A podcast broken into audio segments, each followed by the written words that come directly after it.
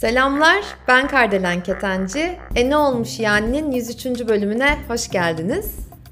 Bu bölüm zaten başlıktan da anladığınız üzere arkadaşlar konuklu bir bölüm ve ilk defa En Olmuş Yani podcast'te bir kere konuk aldığım birini ikinci kez konuk almış oldum bu bölümle. Açıkçası size katkısı olacağını düşünüyorum. Hani çünkü özellikle Ezgi diyetisyen olduğu için bu alanda yeme farkındalığıyla ilgili konuşurken onunla konuşmanın yani diyetisyen olan biriyle konuşmanın çok doğru olduğunu düşündüğüm için Kendisi de iletişime geçince böyle bir karar verdik ve şu anda karşınızdayız diyorum. Bu bölüm sorumuz yeme farkındalığı, mindful eating nedir üzerine olacak. Konuyla ilgili bu arada sizin de yorumlarınız, sorularınız, düşünceleriniz olursa hem Ene Olmuş yani podcast Instagram hesabından bana iletebilirsiniz. Hem de zaten Ezgi'nin Instagram'ını da açıklamalar bölümüne koyarım. Ona da ulaşabilirsiniz diyorum. Ve şimdi sizi sohbetimizle baş başa bırakıyorum. Keyifli dinlemeler. Selamlar Ezgi. Selam Kardelen. Nasılsın öncelikle? Teşekkür ederim. Sen nasılsın? Nasıl gidiyor? Ben de çok çok iyiyim. Teşekkürler. Şimdi sen e, e olmuş yani podcast'te aslında konuk olarak aldığım ilk ikinci kişi oluyorsun. E, ve bu anlamda da ilk olmanın böyle heyecanlı yaşıyorum diyeyim. Yani e, ben ilkleri severim genelde. O yüzden de konuk olduğun için hani sonda söylemeyi unutursam diye en başta söylemiş olayım. Çok teşekkürler. Rica ederim. Benim için de çok keyifli bir deneyimdi gerçekten. O yüzden tekrar birlikte olduğumuz ve tekrar böyle bir kayıt aldığımız için çok mutluyum. Şimdi bu arada dinlemeyenler varsa arkadaşlar şeyi söyleyeyim. Ezgi ile biz 79. bölümü kaydetmişiz. Sürdürülebilir iyilik haliyle ilgili konuşmuştuk. Hani dinlemek isteyenler varsa ya da Ezgi yani o bölümde de dinlemek isterseniz diye bizim sohbetimizi onu da bir söylemiş olayım. Ve şimdi bölüm sorumuza geçelim. Ee, Ezgi zaten diyetisyen birazdan kendini tanıtır. Ee, bu bölümün sorusu yeme farkındalığı yani mindful eating nedir? Bu konudan bahsedeceğiz ve özellikle ben bu bölümde hani diyetisyen yani diyetisyen olan birinden dinlememizin çok yararlı olacağını düşünüyorum. O yüzden hani istersen Ezgi önce sen bir yine kendini tanıt böyle ufaktan ondan sonra da yavaş yavaş başlayalım. Tamamdır. Ben şimdi diyetisyen Ezgi Güner. E, yeme farkındalığı üzerine çalışıyorum. E, diyet ve diyet dışı yaklaşımla e, çalışıp e, daha farklı bir bakış açısıyla beslenme sistemine yaklaşmaya çalışıyorum. O yüzden e, benim için yeme farkındalığı çok değerli ve çok önemli olduğunu düşünüyorum. E, bunu burada kaydetmemiz, e, bizi dinleyecek insanların hayatlarına bir nebze dokunursa çok memnun olacağım. E, çok da mutlu olacağım. Evet, bir de şöyle bir şey daha biz konuştuk. Ee, hani hı hı. ben açıkçası hani anoreksi bulmia mı olsun konumuz çünkü onun da çok kıymetli olduğunu düşünüyorum ve tabii ki de o psikolojik boyutu da olan hani tırnak içinde bir hastalık olarak geçiyor. Ee, yoksa mindful eating mi diye konuştuk yoksa ikisini beraber mi yapalım diye. Ama hani e, sizler de arkadaşlar yorumlarınızı hani iletebilirsiniz. E ne olmuş yani podcast Instagram hesabından da. Hani dilerseniz anoreksiya bulmaya konusunda ayrı bir bölümde hem belki Ezgi seninle hem de belki bir de psikolog bir arkadaşımızla da ayrı ayrı ele alabiliriz diye düşündüm. Evet, o zaman yeme farkındalığı nedir diye başlayabiliriz. Şimdi şöyle diyebiliriz. E, hepimiz yemek seçimlerimizi bireysel özgürlüğümüze göre karar veriyoruz. Eğer farklı bir hastalığımız yoksa e, yeme farkındalıkta şöyle bir şey var. Ne yediğinden çok nasıl ve neden yeme, yeme davranışı oluştuğunu fark ediyoruz. Sonra vücudumuzdaki fiziksel e, dürtülere, belirtilere göre açlık tokluk kavramını değerlendiriyoruz. Böylece işte duygu ve düşüncelerimizin etkisinin farkında oluyoruz. Aynı zamanda işte çevreden etkilenmemeye çalışıyoruz. Ee, ve besin besin seçim, seçimlerini yargılamadan yapmaya çalışıyoruz. Ee, yani kısaca bir besine odaklanarak yemeye çalışıyoruz. Ben burada bir şeyi çok merak ediyorum. Bir konuyu aslında. Ee, hani son zamanlarda böyle sen de biliyorsundur hani mindfulness bayağı bir revaçta diyeyim ben. Hani birçok insandan duyuyorum. Aynı şekilde mindful eating de hani bayağı bir e, böyle özellikle bir yıl önceye kadar çok duyuyordum. Hani bunun bu kadar revaçta olmasının bir anlamı, önemi var mı? Ya da neden böyle bir anlam kazandı hani özellikle son yıllarda? Aslında şöyle, e, sanayileşmeyle büyüyen toplumlarda sürekli işte hızlı bir şeyleri halletme, hayat telaşına kapılma, daha çok anksiyeteyle süreçleri yönetme. Bu şekilde bir yaşayış biçimi var. E, bu sistemler bizi daha ana getiriyor, daha farkındalığa getiriyor. Farkındalığı farkındalıkla başladığımız süreçlerde hayatımızda daha verimli sonuçlar almam, almamıza neden oluyor. O yüzden aslında birazcık da kendimize dönmek, daha içsel süreçlerimize önem vermek bu şekilde e, önem kazanıyor diye düşünüyorum. Aslında o zaman şöyle tanımlayabilir miyim? Hani yeme farkındalığı hani yerken ne yediğinin farkında olup hani bu şey yogada nefesine odaklanmak gibi. Ee, ve vücudun gerçekten onu istiyor mu istemiyor mu belki onu sormak mı demek hani çok böyle basit tabirle. Ee, şöyle ki basit bir şekilde anlatmaya çalışıyor olursak e, tükettiğimiz besine ya da içeceğe odaklanarak yemek diyebiliriz. Peki bu yeme farkındalığında arkadaşlar bu arada mindful eating hani İngilizcesi ben yeme farkındalığı olarak ele alacağım. Hani Ezgi de öyle ele alırsak çok daha iyi olur dediği için de öyle ilerleyelim. Bu yeme farkındalığında sana göre amaç nedir? Yani neden bir insan bunu seçmeli ya da buna uymalı diye sorayım. Evet, en keyifli olay e, bence bu amaç, amaç kısmı. Amaç zaten e, diğer geri kalan kısımların kolayca çözülmesine neden oluyor. Beş duyu organımıza nasıl hitap ediyor? Bu şekilde değerlendirmemiz gerekiyor. Yani o zaman farkına vararak yemek. Doğru mu? Evet, Anladım. kesinlikle öyle. E, ama bu şu değil. E, Aa evet ben bu besini yedim. Hmm, tamam çok güzelmiş tadı. Bu değil. Evet bu besini gerçekten canım istiyor. Gerçekten bu besini yemek istiyorum. Ee, bu besin bana iyi geliyor. Bu şekilde değerlendirmemiz gerekiyor. Peki e, bu yeme farkındalığı kimlerde işe yarar ve kimlerde işe yaramaz diye soracak olursam ne dersin? Aslında şöyle yeme farkındalığı hani diğer e, diğer farkındalık çeşitlerinden biraz farklı. Daha çok anda kalmayı planlayarak bir beslenme sistemi oluşturuluyor. Ama şöyle işin en önemli kısmı şu. Eğer insülin direnciniz varsa, diyabetiniz varsa, böbrek hastalıklarınız varsa, e, kronik bir hastalığınız varsa yani hani beslenme bilgisi kullanmadan yemek yeme. E, bunlar işe yaramayabilir ama e, yeme farkındalığı işe yarayabilir bir noktada. Eğer doğru diyetisyenle, doğru beslenme uzmanıyla, bunu bilen işin ehli kişilerle çalışabiliyorsanız işe yarayabilir. Şöyle diyebilirim mesela e, çok hızlı yemek yiyen insanlarda, işte çok çok diyet yapıp başarısız olan insanlarda veya duygusal yiyicilerde e, ve işte bulimiya nevroza da işe yarayabilir. Peki. Ama şöyle ee, şöyle diyebiliriz. Mesela aşırı bir kronik hastalığınız var, işte kan şekerinizde dalgalanmalar oluyor vesaire. Bu iyi bir seçim olmayabilir. Ee, ama diğer türlü e, rutin beslenmede hani çok diyet yaptınız, aşırı başarı sağlayabilirsiniz yemek yeme farkındalığıyla. Artık sıkıldınız, başka bir şey arıyorsunuz. Kesinlikle işe yarayabilir. Ha bir de şöyle diyelim, kimlerde işe yaramayabilir? Ee, Anoreksiya nervoza da gerçekten işe yaramayabiliyor. Veya çok endişeli, takıntılı, çok dürtüsel bir bireyseniz, odaklanma sorunu yaşıyorsanız birazcık e, zor süreci yönetebilirsiniz. Onun dışında diğer bireylerde e, gerçekten fayda görüyoruz ve gerçekten fayda sağlıyorlar. En önemli şey iyi hissetmeyi sağlamak, iyi hissetmemiz. E, buna neden oluyor yeme farkındalığı. Ee, ben şunu merak ettim Ezgi. Peki e, yani yeme farkındalığı dediğimiz şey sağlıklı beslenme demek mi sence? Yoksa ikisi çok ayrı şeyler mi? Yeme farkındalığı beslenme bilgisi içerdiği için sağlıklı beslenme, sağlıklı yemek, sağlıklı yiyecek kavramlarını da ele alıyor. O yüzden gerçekten sağlıklı bir seçenek oluyor. Dediğimiz gibi sağlıklı beslenmeye de giriyor.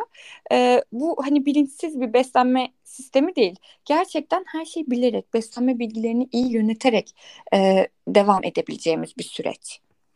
O zaman şöyle sanırım yani ben anladığım kadarını böyle anlatayım hani e, dinleyicilerimiz de dinleyen arkadaşlarımız da belki daha net çünkü benim gibi anlamak isteyebilirler. Sonuçta sen hani işinin ehlisin hani bir diyetisyen olduğun için. E, bu yeme farkındalığı e, hani yogada mesela yogadan örnek vereyim hani ben yoga yaptığım için işte Hatha yoga, Vinyasa yoga mesela bütün bunları öğrenip e, kendine göre olanını bulup ve onda da hani pratik ile emekle e, gitgide daha iyi olmak ve sezgilerine güvenmek işte nefes almayı hatırlamak, e, daha esnek olabilmek, yavaş yapabilmek, hani bir poza gireceğim diye kendini böyle çok e, yüklenmemek, hani bunun gibi şeyleri biz buna entegre ettiğimizde aslında yeme farkındalığı kazanmış oluyoruz. Doğru mu anladım? Evet doğrudur kesinlikle öyle ve şöyle hani yeme ile beslenmeyi karıştırıyoruz bizler. Yani önemli olan şu, şu yemek işte yemek yeme eylemidir ama beslenme bedenimize aldığımız besinlerin böyle işe yaraması bize fayda vermesidir. Bu yüzden yeme farkındalığında bu iki faktörü birleştirerek e, bayağı pozitif bir fayda almaya çalışıyoruz. Evet çok güzel bir nokta aslında yemek ve beslenmek evet. Yani bu şey gibi e, kimisi nefes alıyor kimisi de gerçekten bu hayatı yaşıyor gibi. E, çünkü çocukluğumuzdan beri yeme seçimleri vesaire bize bazen eziyet işte bazen ödül gibi geliyor. E, o yüzden bunu nasıl değiştirebileceğiz? Buna bakacağız yeme farkındalığıyla. Hani gerçekten bir şey istediğimiz için mi yiyoruz?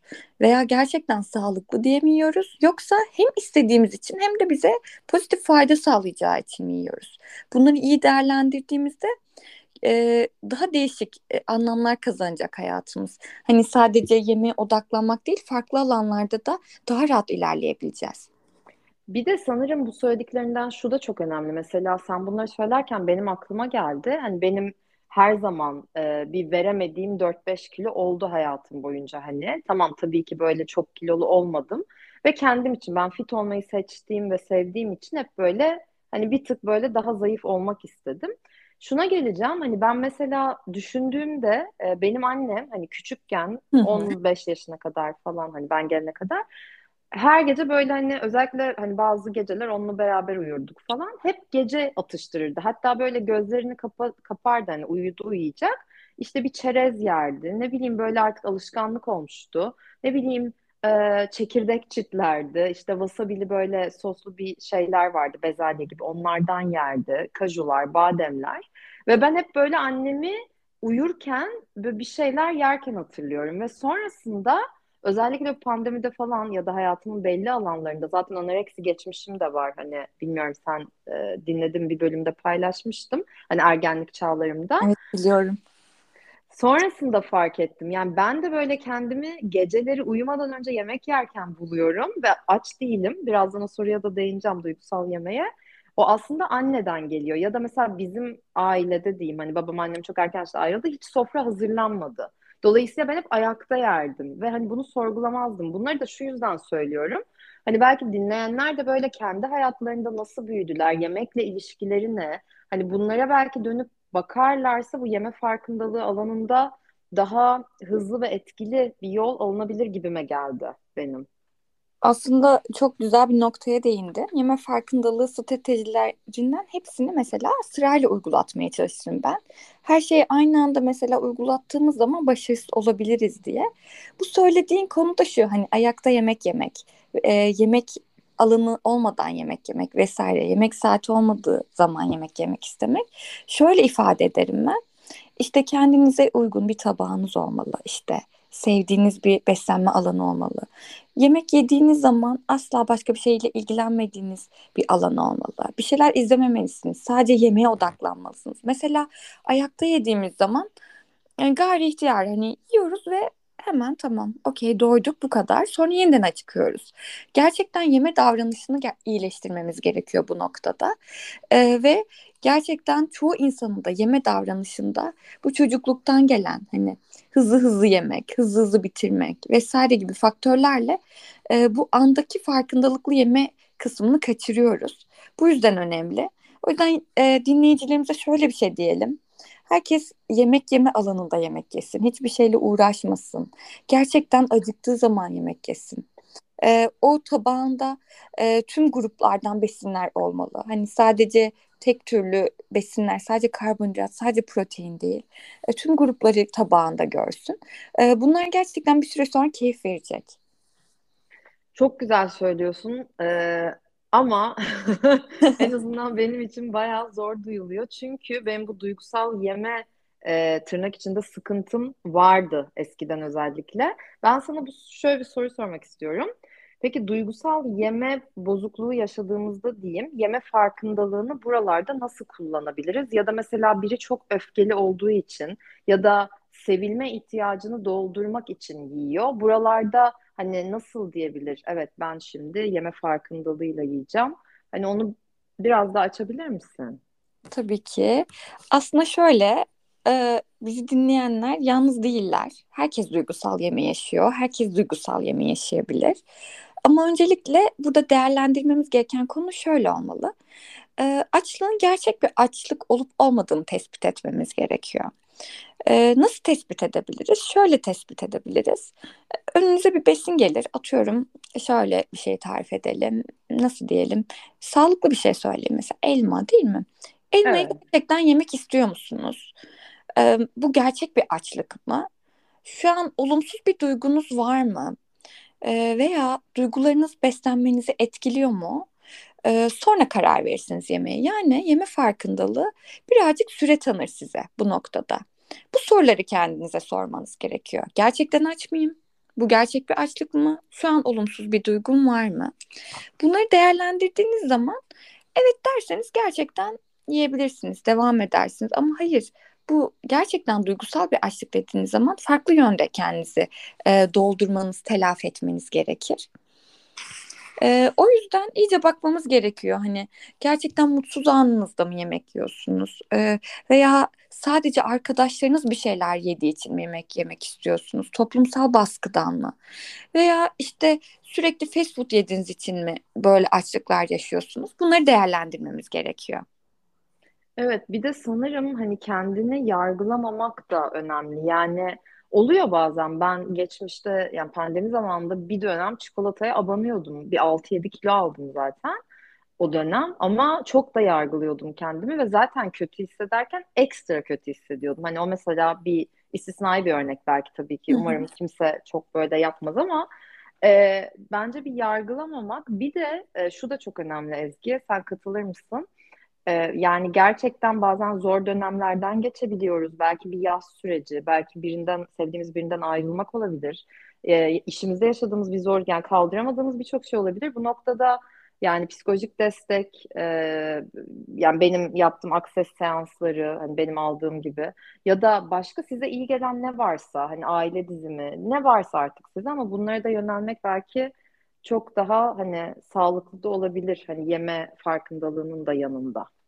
Evet, kendimizi geliştirecek özellikle e, bize iyi hissettirecek bir aktivite, farklı bir planlama gerçekleştirmek gerçekten duygusal yeme hakkında bizi koruyabilir.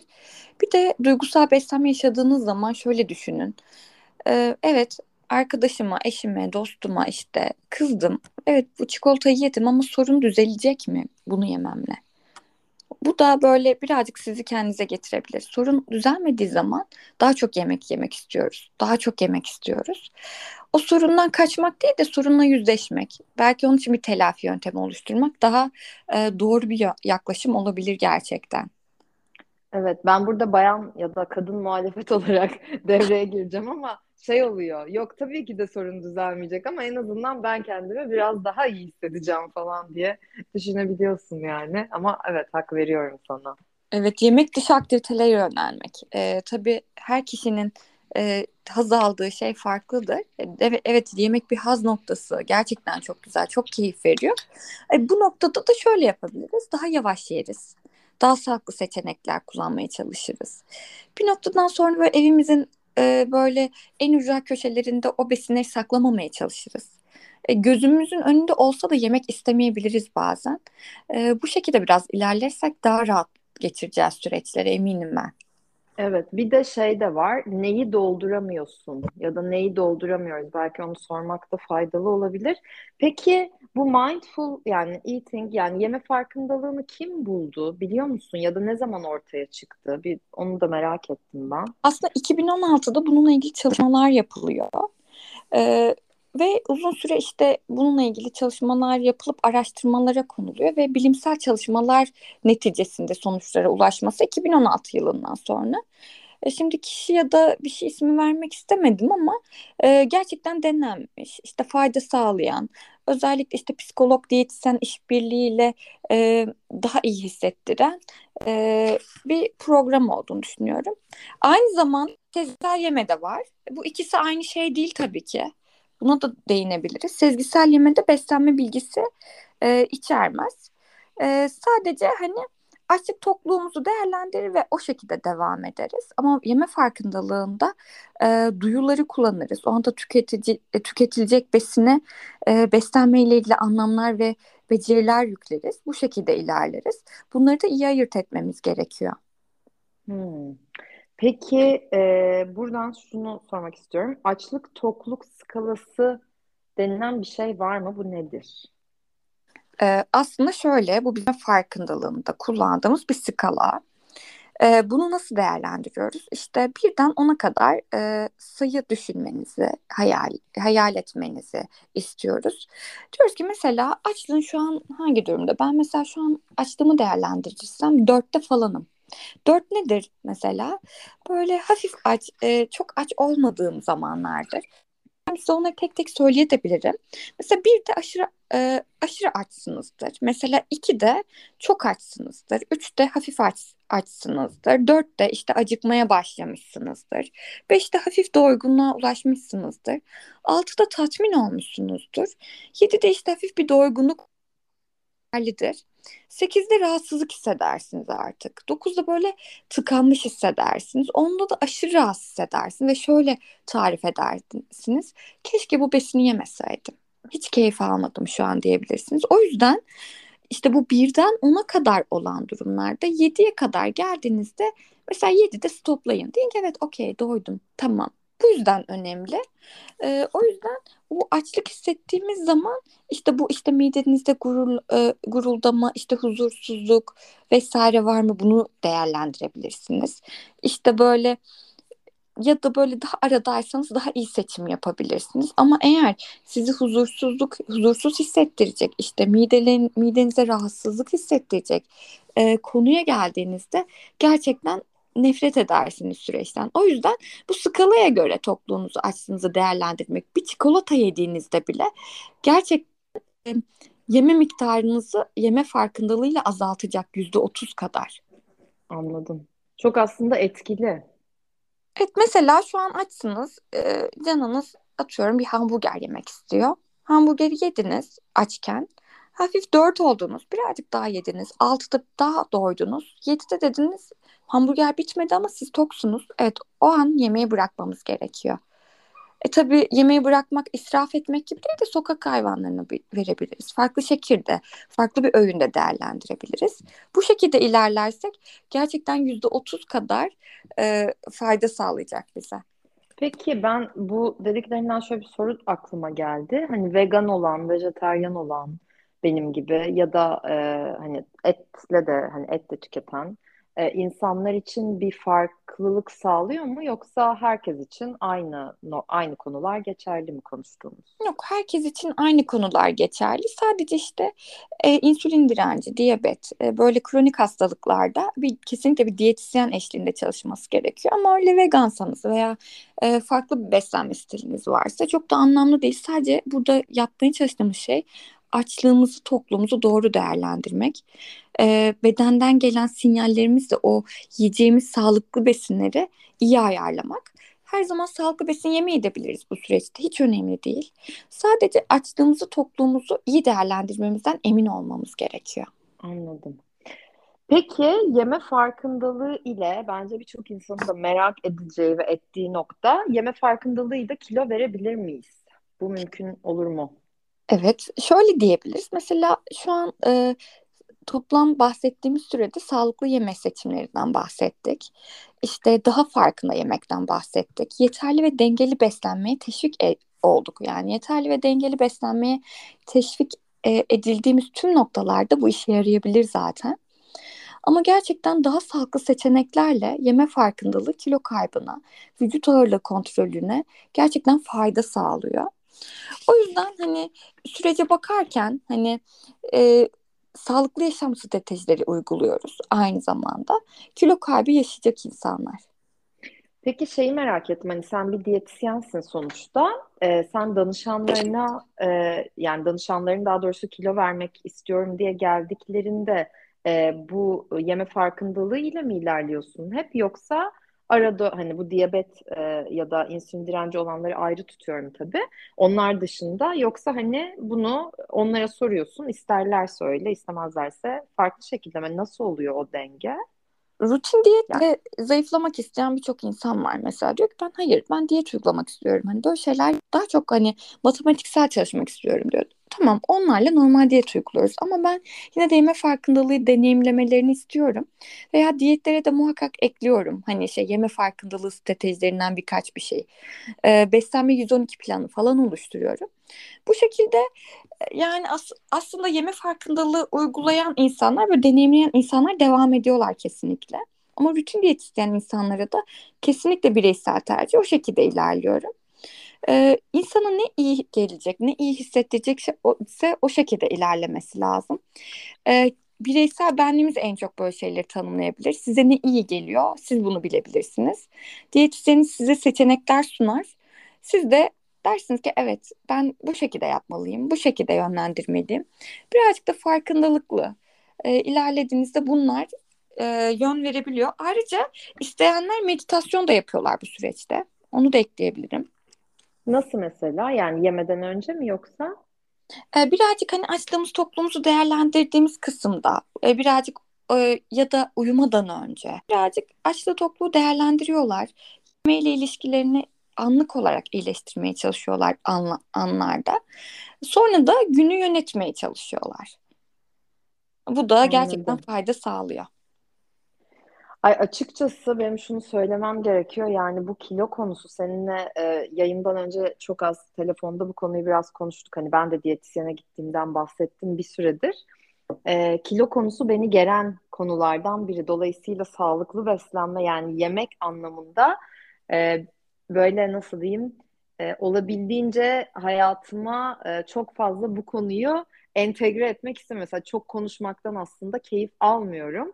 Ama tabii ki de bu benim biraz belki kendimi geliştirmem gereken bir alan olduğu için ya da geçmişte belki yaşadıklarımdan dolayı çok faydalı oldu. Bence iyi ki hani bu konu hakkında konuştuk. Çünkü belki benim gibi çekinenler ya da e, yok ya öğrenmeyeyim demek e, diyenler de vardı bu zamana kadar. O yüzden konuk olduğun için teşekkür ediyorum sana. Ben teşekkür ediyorum. Çok keyifliydi. Eklemek istediğin başka son olarak bir şeyler varsa da e, ekleyebilirsin. Sadece her e, dinleyen her kişiye şunu söylemek istiyorum. E, en iyi kararı verecek olan sizlersiniz. O şekilde ilerleyin. E, ve ne iyi geliyorsa o şekilde süreçlerinizi yönetin. Hoşça kalın diyelim o zaman. O zaman e, haftaya bambaşka bir bölümde görüşmek üzere derken bu arada benim aklıma kapanış şarkısı olarak Nilkara İbrahimgil'in Kek şarkısı geldi. Senin bir önerin var mı? Bence hayır. Bu çok iyi. Telif diyeceğimiz için arkadaşlar biliyorsunuz şarkıyı çalarak kapatamıyoruz ama bu bölümden sonra isteyenler Nilkara İbrahimgil'in Kek şarkısını dinleyebilirler diyoruz. Haftaya bambaşka bir bölümde görüşmek üzere o zaman. Sevgiyle, neşeyle, coşkuyla kalın. Hoşçakalın. Tekrardan görüşmek üzere Ezgi. Hoşçakalın.